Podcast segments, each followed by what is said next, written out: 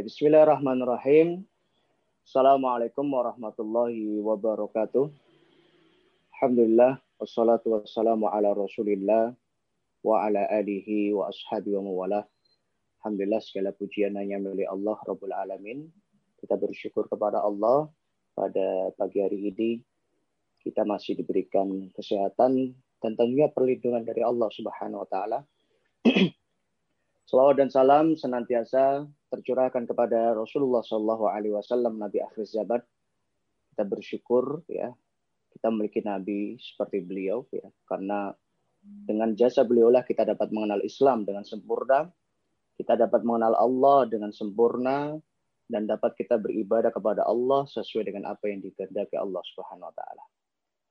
Eh, seluruh jamaah rahimani wa sebelumnya saya mohon maaf ya tadi saya sampaikan karena ada beberapa teknis ya kesalahan sehingga memang terpaksa uh, saya harus pulang ke rumah gitu. Tadi saya berada di kantor ya, ternyata uh, kurang bagus ya sinyalnya sehingga saya minta izin tadi untuk kepada panitia saya minta izin lima menit untuk pulang ke rumah. Dan alhamdulillah sekarang sudah di rumah. Nah, langsung saja waktu kita ya karena kita sudah terlewatkan setengah jam ya jam 6 harusnya kita mulai sekarang sudah jam 6.28. Gitu. Langsung saja kita mulai kajian kita pada pagi hari ini dengan membaca basmalah bersama-sama Bismillahirrahmanirrahim. Kita berdoa kepada Allah, semoga apa yang kita kaji, kita pelajari pada pagi hari ini menjadi ilmu yang manfaat dan barokah untuk diri kita, untuk keluarga kita, dan untuk seluruh kaum muslimin. Amin ya rabbal alamin. Pemirsa, Zoom, Zoom menyela sebentar. Zoom ya. Oh ya menyela sebentar. Uh, kamera antum posisinya apa namanya portrait. Jadi gambar antum ini kebalik. Miring. Iya miring.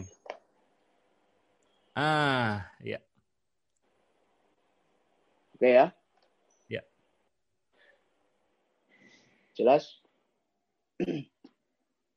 ya langsung saja uh, kajian kita pada pagi hari ini yaitu tentang 10 wasiat ulama ya, agar kita terhindar dari wabah dan musibah. Saya kira ini tema yang sangat tepat ya, apalagi saat ini kita di tengah kondisi pandemi ya, maka kita butuh wejangan, butuh nasihat dari para ulama ya. Karena ulama adalah pewaris para nabi. Innal ulama warathatul anbiya. Para ulama pewaris para nabi.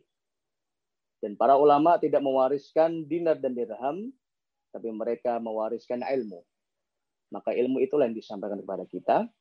Dan ini yang akan saya sampaikan pada pagi hari ini, yaitu ada 10 wasiat ulama agar kita semua terhindar dari dari wabah dan musibah. Wasiat yang pertama, ya, tentunya sebagai seorang manusia, kita harus senantiasa berlindung, berdoa hanya kepada Allah Subhanahu wa taala terutama berdoa ketika sebelum datangnya musibah tersebut. Sebelum datangnya wabah tersebut. Nah, saat ini kan kita tahu nih kabar Jakarta ya parah gitu kan. Surabaya atau daerah yang lain parah. Nah, saat ini mungkin wabah itu belum sampai di tempat kita. Saat itu wabah belum belum sampai di daerah kita, di desa kita. Maka yang harus kita lakukan adalah kita berdoa kepada Allah agar kita diselamatkan dari wabah tersebut. Dari hadis yang diwakilkan dari sahabat Utsman bin Affan radhiyallahu taala anhu, ya.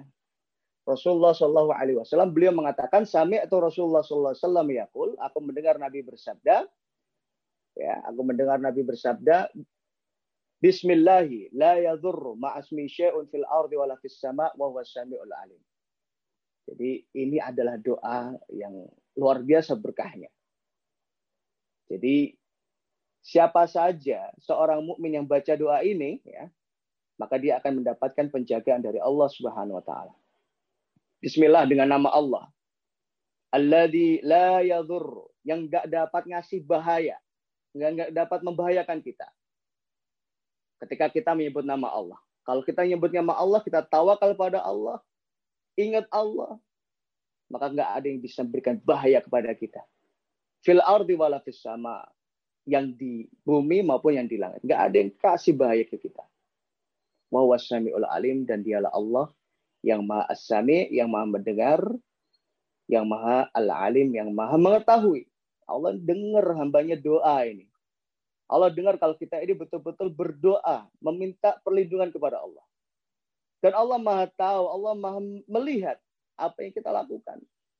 Kondisi pati, kondisi Indonesia ini Allah tahu. Maka rugi kalau orang Indonesia ini nggak dekat sama Allah. Dia nggak minta doanya itu kepada Allah Subhanahu wa taala. Apalagi dia tahu kondisi daerahnya ini nggak nggak biasa-biasa saja. Maka dia harus berlindung kepada Allah dengan doa yang diajarkan Nabi yaitu doa Bismillahirrahmanirrahim sama. Berapa kali? Salah samarrat. Sebanyak tiga kali kata Nabi. Salah samarrat.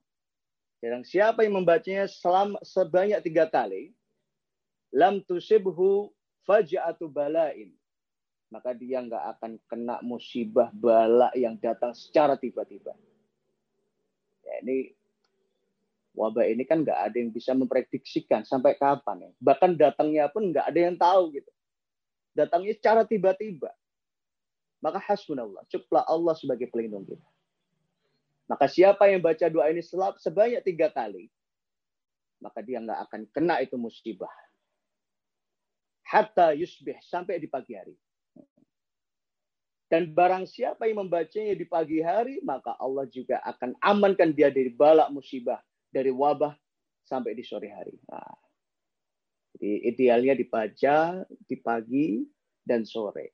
Maka di sini para ulama menganjurkan kita zikir pagi dan petang. Yang pertama. Jadi baca doa Bismillahirrahmanirrahim. Ma'asmi syai'un fil ardi sama wa. Itu yang wasiat pertama. Kemudian wasiat yang kedua, ya tetap kita baca doa lagi. Doanya siapa? Doanya Nabi Yunus alaihissalam. Ingat ketika Nabi Yunus melakukan kesalahan, Allah hukum Nabi Yunus. Allah jadikan, Allah takdirkan Nabi Yunus ditelan oleh ikan paus.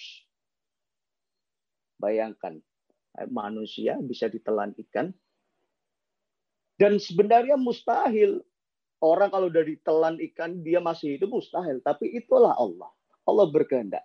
Nabi Yunus masih hidup di dalam perut ikan. Maka dalam Al-Qur'an ya, dalam Al-Qur'an Allah Subhanahu wa taala mengingatkan ya, menceritakan kondisi ini, kondisi Nabi Nabi Yunus alaihissalam. Maka Nabi Yunus fidzuluma dalam kondisi yang gelap beliau teringat akan dosa-dosanya dan beliau berkata atau berucap berdoa kepada Allah anqala an la ilaha illa anta subhanaka inni kuntu dhalimin. Ini doa yang kedua. Jadi doanya apa? La ilaha illa anta subhanaka inni kuntu minadh dhalimin. La ilaha illa anta. Ya Allah, enggak ada Tuhan selain Engkau ya Allah. Jadi orang itu kalau dia dapat musibah, dapat ujian, yang harus dia ingat itu Allah. Bukan selain Allah. Selain Allah hanya sebagai wasilah. Tapi semata-mata yang dapat menolong kita hanyalah Allah Subhanahu wa taala. Gak apa-apa, mungkin kita ingatnya Allah ketika kita dapat musibah. Bolehlah. Tapi ya janganlah. Kalau bisa jangan terus-menerus seperti itu. Dan memang kalau kita amati orang itu baru dekat Allah itu ketika dia dapat musibah. Ketika udah nggak dapat musibah, dapat nikmat, dia lupa Allah. Jadi jangan. Maka ketika kita ini sedang diuji Allah, yang harus kita ingat pun siapa? Allah. La ilaha illa anta. Gak ada Tuhan selain engkau ya Allah. Gak ada yang kasih pertolongan kecuali engkau ya Allah. Kita bayangkan pelaut ya. Pelaut berada di tengah lautan. Mungkin kita mungkin pernah naik perahu gitu kan. Tapi perahunya mungkin kita di pinggir pantai ataupun kalau di tengah pun nggak lama. Ini pelaut ya nelayan dia berlayar ya di malam hari di tempat yang gelap dan semuanya butuh pertolongan. Kira-kira kita minta pertolongan kepada siapa? Tentunya pertolongan itu hanya pada Allah Subhanahu wa taala. Dia kita minta tolong pada teman kita, teman kita juga butuh pertolongan. Gitu loh. Jadi sama-sama butuh pertolongan. Siapa yang bisa nolong kita ini? di tengah ombak yang luar biasa dahsyatnya, badai yang besar. Gak ada yang bisa menyelamatkan kita kecuali Allah Subhanahu wa taala. La ilaha illa anta subhana. Gak ada ilah Tuhan yang bisa nolong kecuali Engkau ya Allah. Kaulah yang bisa nolong kami ya Allah. Subhanak, maha suci Engkau ya Allah. Ini kuntum ya zalimin. Aku ini orang yang zalim ya Allah. Jadi ketika kita minta tolong sama Allah itu kita juga harus ingat dosa-dosa yang pernah kita berbuat, kesalahan-kesalahan yang pernah kita berbuat. Karena memang Allah uji kita itu karena kesalahan yang pernah kita lakukan. Dalam surah Asyura ya. Nanti silahkan dicatat dibuka ya. Surah Asyura ayat 30.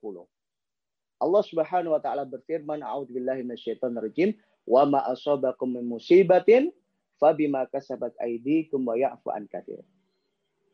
Jadi apa pun musibah yang menimpa kalian, fabima kasabat aydikum. Semuanya itu sebabnya adalah ulah tangan-tangan kalian. Jadi semuanya itu ulah diri kita sendiri, salahnya kita itu. Maka Allah uji, Allah kasih musibah. Tapi di antara nama Allah ada Rahman, Allah Maha Penyayang maka wayafu an Allah ampuni, maafkan banyak kesalahan kita. Bayangkan. Jadi hanya sebagian dosa-dosa kita yang dibalas Allah. Kesalahan kita yang dibalas Allah hanya sedikit saja. Dan banyak kesalahan kita yang diampuni Allah. Kita harus bersyukur pada Allah. Maka ketika kita dapat musibah, kita ingat kesalahan-kesalahan kita. Maka dengan itulah Allah Subhanahu wa taala akan berikan pegang kepada kita. Maka Nabi Yunus doa dengan doa ini. La ilaha illa anta subhana. Ini kuntu minadzim. Aku ini orang yang zalim ya Allah. Mengakui dosanya, kesalahannya. Ya, mengakui kesalahan dosanya. Kemudian Nabi melanjutkan, fa innahu lam yada'u biha. Jadi kalau ada seorang hamba baca doa ini, dia berdoa dengan doa ini, ya, illastajaballahu lahu kecuali Allah akan ijabah doanya. Maka kalau bisa jadikan doa la ilaha illa anta subhanaka inni kuntu minadh ini sebagai rantetan rangkaian mukaddimah mukaddimah doa kita.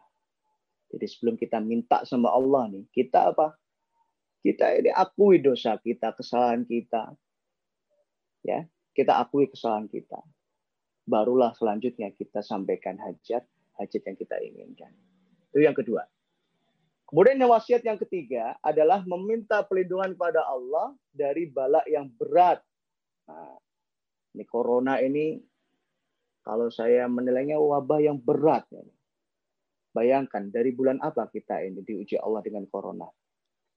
Ya, dari bulan Maret kalau di Indonesia kan. Kalau di dunia ini dari sejak Desember itu sudah ada itu di Wuhan, di corona ya di Cina itu sudah ada wah ada corona saya umroh terakhir Desember itu kalau ketemu orang Cina itu ngeri ngeri sedap gitu ya jadi ngeri gitu dan ternyata corona itu sampai di Indonesia juga gitu jadi memang ini ujian dari Allah untuk orang Indonesia untuk masyarakat Indonesia dan ingat ujian itu adalah bukti cinta Allah kepada hambanya dalam hadis Nabi Shallallahu Alaihi Wasallam bersabda, wa inna Allah Taala idza ahabba qauman ibtalahum. Nah, ini. Jadi Allah itu kalau cinta dengan sebuah kaum, ibtalahum Allah akan uji mereka. Allah akan turunkan bala, ujian. Untuk apa? Untuk menguji keimanan, ketakwaan hambanya ini. Maka seorang hamba ketika diuji harusnya dia semakin dekat. Karena itulah hikmah dari ujian. Orang kalau diuji Allah ya, itu dia harusnya semakin dekat karena ujian itu mendekatkan seorang hamba kepada Allah. Bayangkan kalau kita nggak diuji Allah, kita akan terlena.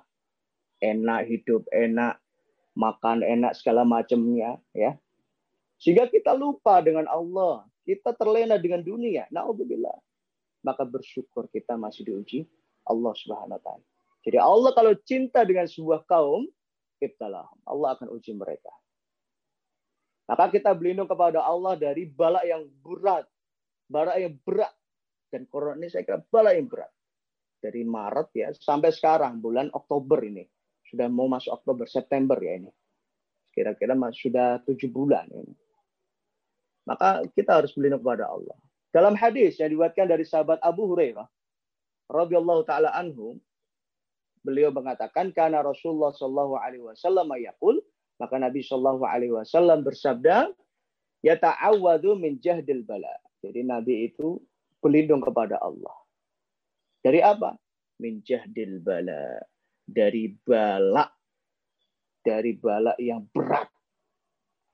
Jadi ada bala yang berat, ada bala yang ringan. Ada musibah yang berat, musibah yang ringan.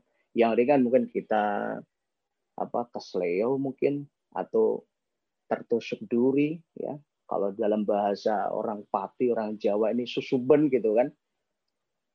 Itu bala yang ringan lah. Tapi ada bala yang berat. Apa itu? Ya kayak gini wabah ini. Maka kita berlindung kepada Allah menjadil bala. Dari bala yang berat. Karena nggak bisa kita selamat dari bala ini kecuali dengan perlindungan Allah Subhanahu wa taala. Maka Allahumma inni a'udzubika min jahdil bala. Dari bala yang berat. Kisyaqa. Ya. Dari sebab-sebab kesengsaraan. Gitu. Jangan sampai kita sengsara gitu. Kalau kita perhatikan sekarang ini rakyat sudah semakin sengsara gitu ya. Dan itu memang ujian Allah, takdir Allah. Allah ingin uji manusia ini. Dia tetap syukur nggak kepada Allah?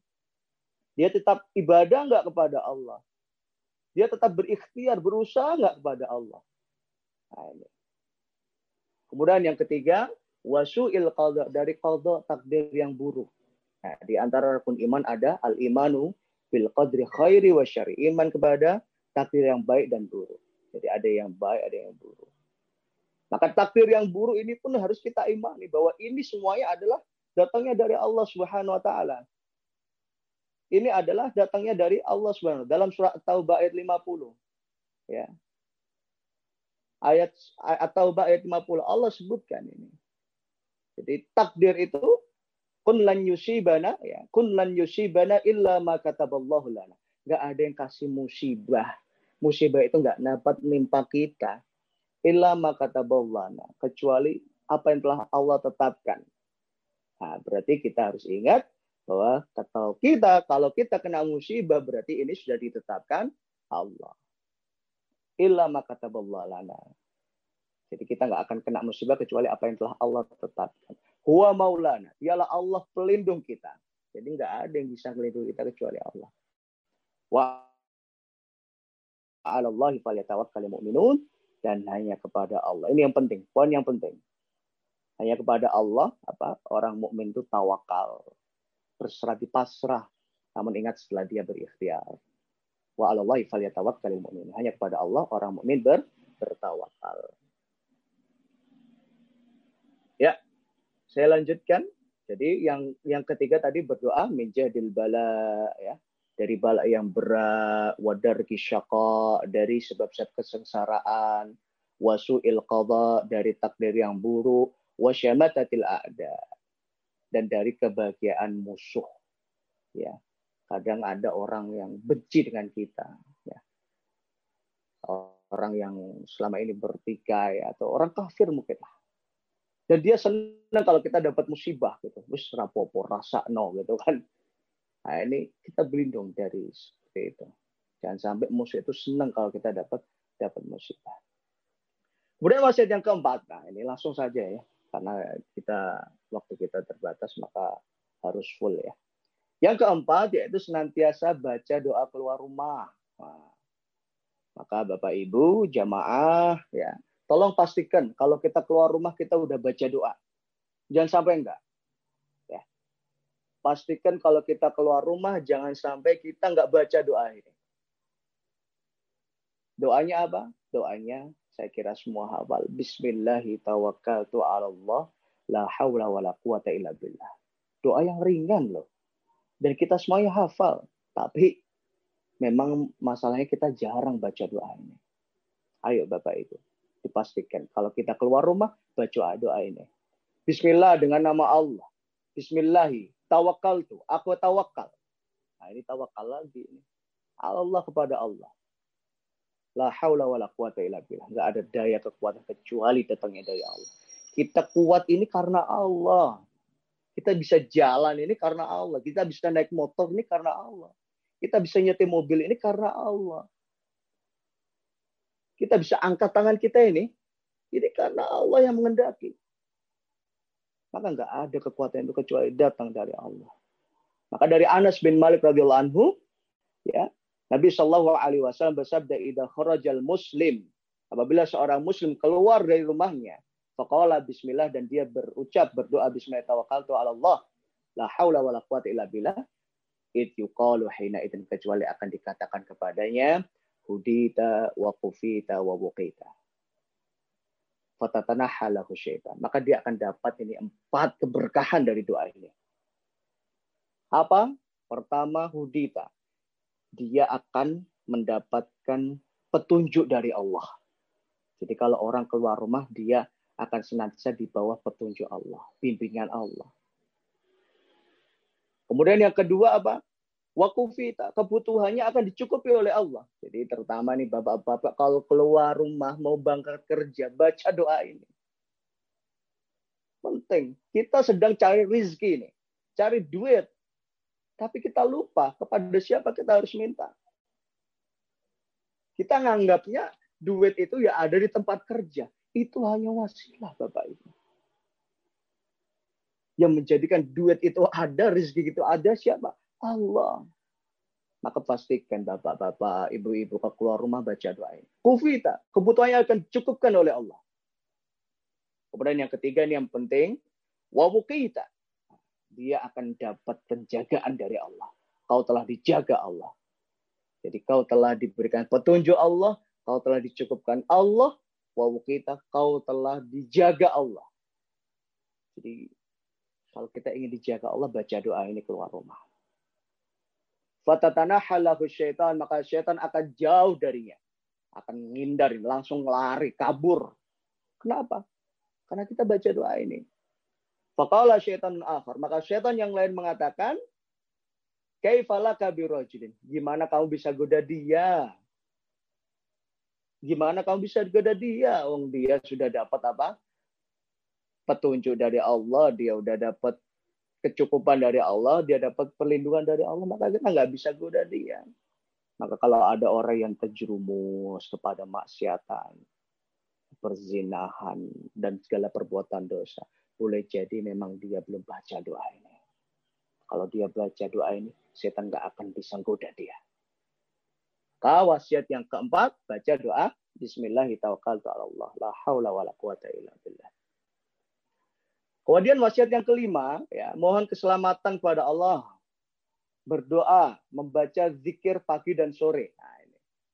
Siapa Bapak Ibu yang tadi belum baca zikir pagi dan sore? Ada nggak? Mungkin ada. Maka saya harapkan jangan sampai kita lewatkan zikir pagi dan sore. Terutama setiap selesai sholat. Zikir pagi dibaca setelah sholat subuh sampai sebelum matahari terbit. Itu sunnahnya yang sangat dianjurkan. Dikir sore dibaca setelah asar sampai sebelum matahari tenggelam. Atau ketika akhir matahari tenggelam. Itu dibaca. Zikirnya, wiridnya dibaca. Fadkuruni azkurum. Ingatlah aku. Maka aku akan ingat kepadamu. Jadi kalau kita pengen Allah ingat kita, ini kita harus selalu ingat pada Allah. Ta'arraf ilallah firraha ya'rifka fi syiddah. Ingatlah pada Allah, dekat pada Allah, taat pada Allah, firraha. Kalau kau dapat nikmat, tenang, dapat nikmat, dapat rezeki, tetap harusnya ingat pada Allah. Ketika dapat rezeki lancar ya jamaahnya tetap rajin, sholatnya tetap rajin, puasanya tetap rajin. Maka ya arif fisyiddah. Maka kalau ketika kau dapat musibah, Allah akan mengenalmu. Allah akan kasih tolongan padamu. Ini. Jadi minta tolongnya kepada Allah itu jangan hanya ketika dapat musibah saja. Kalau dapat nikmat ya harus selalu tetap ingat pada Allah Subhanahu wa taala. Maka baca doa zikir pagi dan sore ini. Mohon keselamatan pada Allah. Dan di antara zikir pagi dan sore itu Nabi mengajarkan Allahumma inni as'aluka al-afiyata al-afwa wal afiyata fid dunya wal akhirat. Ya Allah aku berlindung memohon kepadamu ya Allah al-afwa Aku mohon ampunanmu ya Allah. Al-afiyah. Allah, aku mohon keselamatan darimu ya Allah. Fit dunia wal akhirat. Dunia dan di akhirat. Jadi aku mohon keselamatanmu ya Allah di dunia dan dan akhir. Allahumma inni as'aluka al-afwa wal afiyah fi dunyaya ya fi, dun, fi dini wa dunya ya. Aku mohon kepadamu ya Allah keselamatan dalam urusan agamaku, dalam urusan duniaku, wa ahli wa mali, dalam urusan keluargaku dan hartaku. Jadi kita minta tolong kepada Allah, berlindung kepada Allah ini jangan hanya sekedar agar kita selamat dari corona. Nah, kita berlindung kepada Allah dari segala musibah. Gitu loh. Ini harusnya dilakukan seluruh kaum muslimin. Jadi dia berlindung kepada Allah. Dan jangan hanya dari corona saja. Dari segala sesuatu yang dapat membayangkan kita. Apalagi urusan din, agama. Ini ujian bagi orang beriman ini Ketika dia diuji Allah kayak gini nih, dia masih tetap rajin sholatnya enggak? Jangan-jangan sholatnya sudah mulai jarang gitu. Apalagi repot kalau ada, udah nggak sholat jamaah di masjid, jamaahnya sholatnya di rumah. Nah ini sholatnya kadang ditunda dan lain sebagainya. Maka kalau memang tidak ada udur syari, maka segerakan itu sholat. Kecuali kalau ada udur syari, maka boleh kita menunda. Namun jangan sampai jangan sampai berlebihan terlewatkan begitu banyak waktu yang yang eman-iman harus kita buang ini. Itu. Kemudian lanjut ya. Wasiat yang keenam memperbanyak doa. Nah ini banyak doa. Tadi saya kira awal satu dua tiga empat ini doa semua ini penekanan lagi yang keempat. Harus banyak doa. Banyak doa banyak doa. Nabi bersabda, "Man futihalahu minkum babu doa." Siapa yang Allah bukakan bagi mereka pintu doa, futihat lahu abwabur rahmah. Maka Allah akan bukakan baginya pintu rahmat. Oh. Ya. Jadi ketika seorang yang berdoa pada Allah akan bukakan pintu rahmat baginya. Wa man su'ilallahu syai'an ya, wa man su'ilallahu syai'an barang siapa meminta atau wa ma su'ilallahu syai'an tidak tidak ada yang diminta Allah. Ya, tidak ada yang diminta Allah yang paling lebih dicintai Allah kecuali hamba itu apa? Memohon keselamatan hanya kepada Allah. Jadi Allah itu senang kalau hambanya ini minta perlindungan kepada Allah. Berarti memang ini benar-benar hamba aku ini. Kenapa? Karena ketika aku uji dia, dia ingat kepada aku. Dia minta perlindungan itu kepada kepada aku. Inna doa yanfa'u mimma nazal wa mimma lam yanzil. Doa itu manfaatnya terhadap perkara ya yang belum terjadi maupun perkara yang sudah terjadi ya belum terjadi tadi. Ya, kita berlindung dari wabah. Sebelum datang wabah kita berdoa kepada Allah. Kalau udah ada wabah, kena wabah, ya apalagi harus lebih kenceng doanya gitu. Nah, ya. Dan yang ketujuh, nah ini penting. Jadi ini disampaikan pesan ini 1400 tahun yang lalu. Enggak sekarang-sekarang ini. Jadi kalau kita sering kita dengar ya, jangan pergi ke sana karena di sana ada corona. Jangan ke Jakarta, Jakarta ada corona. Ah, jangan ke sini, ke sini ada corona. Ini bisa disampaikan Nabi 1400 tahun yang lalu. Ya. Jadi Abdullah bin Amir radhiyallahu anhu Umar kharaja ila Syam. Suatu saat Umar berangkat ke Syam. Fala maka Nabi Sarqa, nah, maka tatkala Umar ini sampai di sebuah tempat namanya Sarq, balagau annal wabak qad waqa'a fi Syam. Jadi Umar Umar ini dapat kabar kalau di Syam ini ada wabah. Jadi kita misal mau ke ke Semarang nih. Nah, ternyata kita dapat informasi kalau di Semarang ini ada wabah. Maka apa perintah Nabi ya? Fa'akhbarahu Abdurrahman, maka Abdurrahman bin Auf menyampaikan kepada Umar bahwasanya Nabi Shallallahu alaihi wasallam pernah bersabda, ini poin penting. Ida sami'tum bi ardin fala taqdumu 'alaiha alaihi. Jadi kalau kamu ini dengar ada wabah di sebuah tempat, fala taqdumu alaihi. Jangan kau datang ke tempat itu. Jangan ke situ. Nah, ini sekarang kan disampaikan oleh Menkes. Dan ini sebenarnya ini sudah perintah dalam Islam. Disampaikan Nabi SAW 1400 tahun yang lalu. Kalau kau tahu di sana ada wabah, kau jangan ke sana gitu loh. Jangan bandel gitu loh. Nah ini kadang orang, ah, oh, boleh. Yang penting kan pakai masker, ya kan. Aman kalau udah pakai masker. Oh, belum tentu aman. Kalau kamu jabatan tangan dengan orang lain, ini juga bisa kena. Ya wes, aku pakai pakai sarung tangan gitu. Oh belum tentu aman. Ya wes, aku pakai jas hujan gitu kan. Jadi sampai begitunya manusia itu apa meyakini bahwa masker, sarung tangan, jas APD itu dapat melindungi dia. Sampai dia lupa bahwa yang bisa melindungi dia itu Allah Subhanahu wa taala.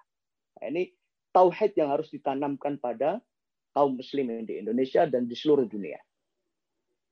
Sekalipun kita pakai APD lengkap, kalau Allah takdirkan kita kena corona, kita kena corona. Ya kemarin kita dapat kabar kan dokter ada 100 dokter yang udah meninggal dunia karena corona. Bayangkan, dokter loh. Dokter itu kurang apa? Orangnya bersih, ya kan rajin, menjaga kebersihan. Begitu disiplinnya, ya menjaga bersihan, padi APD lengkap. Kurang apa? Kena. Maka kita harus ingat yang bisa tolong kita ini Allah. Bukan masker, bukan sarung tangan, bukan APD. Itu hanya wasilah saja. Dan itu harus kita lakukan. Karena itu sebagian dari ikhtiar. Kalau pemerintah katakan pada kita harus pakai masker, wajib pakai masker, ya kita taati. Karena itu wasilah. Ikhtiar. Sebab yang harus kita ambil supaya kita dapat perlindungan Allah. Maka kalau dengar kabar di sana ada wabah, maka jangan falak takdumu alaih. Jangan kau datang ke tempat itu. Wa idawi baqa'a bi'adin wa antum biha. Maka kalau kamu di tempat yang memang di situ ada wabah, misalnya orang Jakarta, kan dia tahu kalau Jakarta ini parah gitu kan, corona gitu. Dan dia berada di Jakarta itu. Fala takhruju firaran minha. Maka jangan kau keluar dari Jakarta. Jadi kalau kalau sudah di Jakarta dan kau tahu Jakarta ada corona, maka kau jangan keluar dari Jakarta. Kenapa? Karena ini bisa nyebabin virus itu mudah tertular lebih jauh, lebih besar. Dan dalam ilmu kedokteran sekarang itu namanya sosial apa? isolasi gitu kan. Ini udah disampaikan Nabi 1400 tahun yang lalu. Jadi kalau kamu berada di Pati, misal Pati ada corona, maka jangan pergi ke mana-mana. Takutnya apa? Takutnya justru wabah ini bisa nyebar ke mana-mana. Dan ingat, masih ingat ya, awal corona dari mana? Dari Wuhan, dari Cina. Dari Cina. Tapi itu nggak ditahan itu. Sehingga orang yang dari Cina itu bebas pergi ke mana-mana. Walhasil apa yang terjadi? Menyebar itu corona. Coba bayangkan kalau manusia ini taat dengan Islam, dengan perintah Nabi Shallallahu Alaihi Wasallam. Dia sabarlah di situ sambil ikhtiar, sambil berobat. Insya Allah akan berikan kesembuhan. Dan dokter menyampaikan bahwa corona ini menyerang imunitas tubuh kita. Ya kan? Kalau imun kita ini kuat, insya Allah corona nggak akan bisa nyerang kita. Maka saya harapkan Bapak Ibu, ayo sebagai seorang Muslim, ya kita harus semakin perhatikan dengan tubuh kita. Tubuh kita ini harus sehat. Tubuh kita harus sehat dengan syarat juga makanan kita harus sehat. Makanya Allah perintahkan, kulu mimma halal halalan. Makan yang halal, yang tayyib. Udah, ini udah paket komplit. Jadi mukmin itu kalau makannya halal, makannya tayyib, insya Allah tubuhnya aman. Insya Allah mukmin itu sehat semuanya. Karena pirantinya sudah lengkap gitu. Dari Allah sudah ada petunjuk-petunjuknya. Dari Nabi sudah jelas, sudah lengkap. Tinggal kita mengamalkan gitu. Makanan yang halal, yang tayyib, yang yang baik gitu. Kenapa harus tayyib? Karena yang halal belum tentu tayyib. Contohnya apa? Contohnya gula. Nah, gula ini halal, tapi dia nggak tayyib bagi penderita diabetes ya kan? Gula ini nggak baik pada penderita diabetes. Maka halalan tayyiba. Harus disesuaikan dengan kondisi tubuh. Ini. Maka kalau kita tahu ya ada corona atau daerah kita kena corona, maka kita jangan ke mana-mana lah. Udahlah. Di situ sabar, ikhtiar, berlindung kepada Allah. La yuridul mumrid alal musih. Ya, ini juga sabda Nabi Sallallahu Alaihi Wasallam. Jadi jangan dicampurkan orang yang sakit dengan orang yang sehat gitu kan. Makanya sampai ada uh, instruksi dari pemerintah itu kan uh, jam apa uh, masyarakat yang sakit itu jangan pergi ke mana-mana di rumah saja atau berobat ya. Jangan ke mana-mana gitu. oleh majelis ulama juga dijelaskan ya. Yang di masjid ya. Jamaah di masjid dia orang yang sehat. Yang nggak sehat jangan jamaah di masjid jamaah di rumah. Insya Allah kalau kita niatnya menang betul-betul ikhlas karena Allah kita dapat pahala jamaah di masjid. Ya. Maka harus sesuai dengan kondisi. Maka ditahan gitu. Kalau memang kondisinya aman ya silakan jamaah tapi tetap taat protokol kesehatan gitu. Kan ya new normal gitu. Ketatanan kehidupan baru. Tapi ya harus tetap mematuhi protokol kesehatan. Jadi kalau mau tetap jamaah maka diperhatikan tolong yang jamaah di masjid.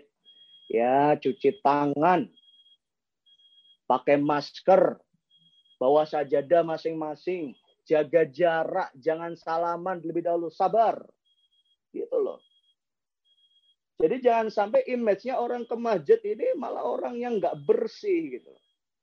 Oh itu tuh kena corona itu. Kenapa? Karena dia ke masjid. Janganlah. Jangan sampai ada kabar orang kena corona gara-gara ke masjid. Jangan, jangan. Jangan. Ini khusus bagi mereka yang memang pengen mas apa eh, memaksakan dia harus jamaah di masjid. Tapi kalau kondisinya memang seperti ini ya sebaiknya kita sholat di rumah saja. Insya Allah itu lebih bermaslahat. Gitu. Kemudian wasiat yang kedelapan senantiasa berbuat kebaikan. Nah, ya, jangan sampai lelah jadi orang baik. Terus berbuat baik. Karena orang baik dia akan ditolong Allah. Dia akan mendapatkan kebaikan dari Allah. Nabi bersabda, "Sana'iul ma'ruf" Orang yang melakukan kebaikan, taki masari asu. Kebaikan itu dapat apa? Menjaga, menyelamatkan dia dari keburukan-keburukan. Jadi boleh jadi ya ketika kita diselamatkan Allah dari musibah ini karena memang dulu kita beramal soleh orang selamat dari celakaan gitu kan mungkin memang seminggu yang lalu kemarin dia rajin sholatnya. Dia sedekah. Dia bantu orang lain. Maka saat ini Allah selamatkan dia. Gitu loh. Maka kalau kita ingin dilindungi Allah ayolah. Beramal ma'ruf. Beramal ma'ruf, beramal, melakukan amalan yang ma'ruf yang baik, mengerjakan yang baik, mengajarkan yang baik, memberikan contoh yang baik. Sedekah. Nah, ini termasuk sedekah gitu loh.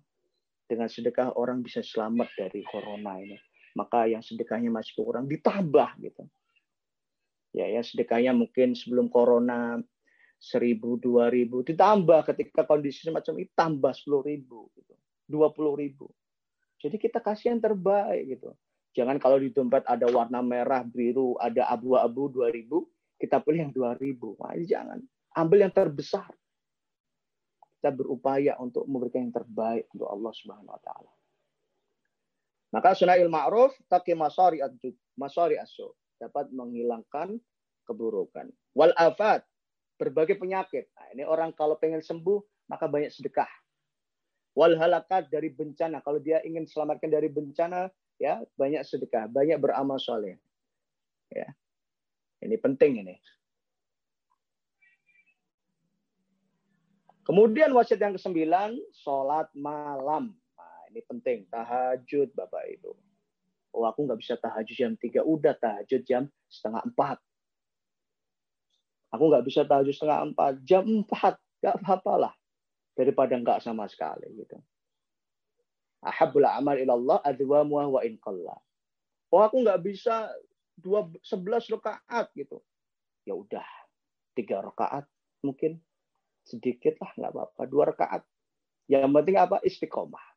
Karena itu amal yang paling cinta Allah. Adwamuah yang istiqomah wa inqallah sekalipun sedikit. Tapi kalau lebih banyak ya tentu lebih baik lagi maka tahajud, qiyamul lail, sholat malam. Nabi Shallallahu Alaihi Wasallam bersabda ayat alaikum bi qiyamil lail hendaknya kalian qiyamul lail fa da'bus salihin itu kebiasaan orang saleh min qablikum orang saleh sebelum kalian tuh rajin qiyamul lail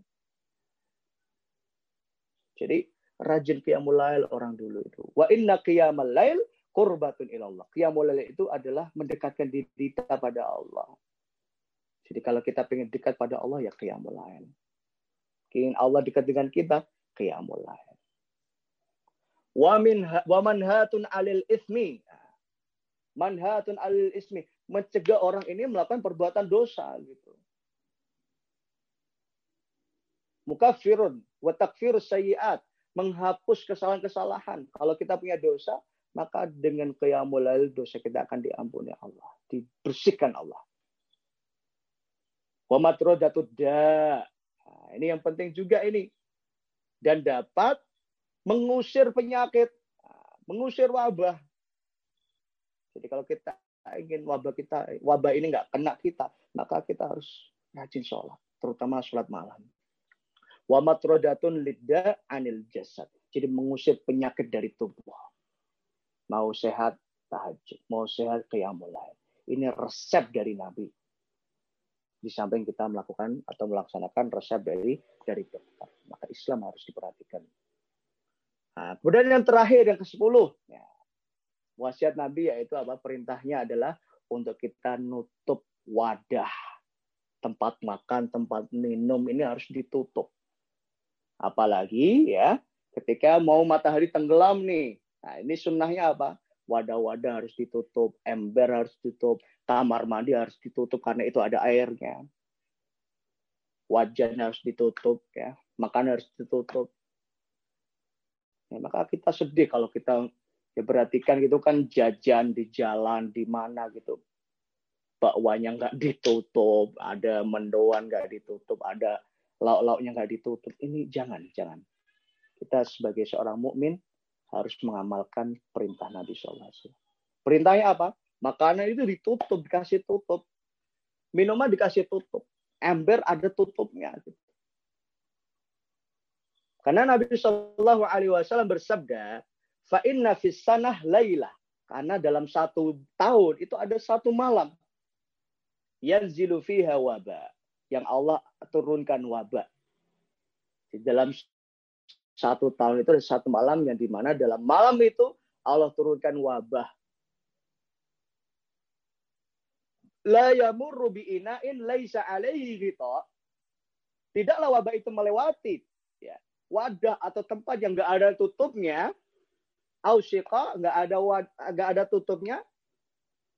Laisa alaihi gitu enggak ada tutupnya ya illa nazala illa nazala fi. Kecuali wabah itu turun ke tempat itu. Illa nazala fi. Maka wabah itu akan turun ke tempat itu. Maka ayo Bapak Ibu kita lebih jaga kebersihannya lah. Tempatnya piringnya ditutup ya. Gelasnya ditutup. Supaya apa? Supaya kita nggak kena ini. Karena ini sudah disampaikan Nabi 1400 tahun yang yang lalu maka saya kira ini ada 10 wasiat ya yang disampaikan oleh para ulama uh, kepada kita semuanya. Yang terakhir perlu kita ingat bahwa wabah ini adalah ujian dari Allah. Maka saat ini kita dalam kondisi diuji Allah. Tetap taat protokol kesehatan dan tetap pelindung dan memohon pertolongan itu hanya kepada Allah. Karena Aisyah radhiyallahu taala anhu pernah menyampaikan bahwa wabah atau musibah itu adalah innahu azab innahu kana azaban ba'asahu ala mayyasha. Jadi wabah itu azab yang Allah apa utus bagi orang-orang yang dikendaki Allah. Faja'alahu rahmatan lil mu'minin dan Allah jadikan wabah itu adalah rahmat bagi orang yang yang beriman.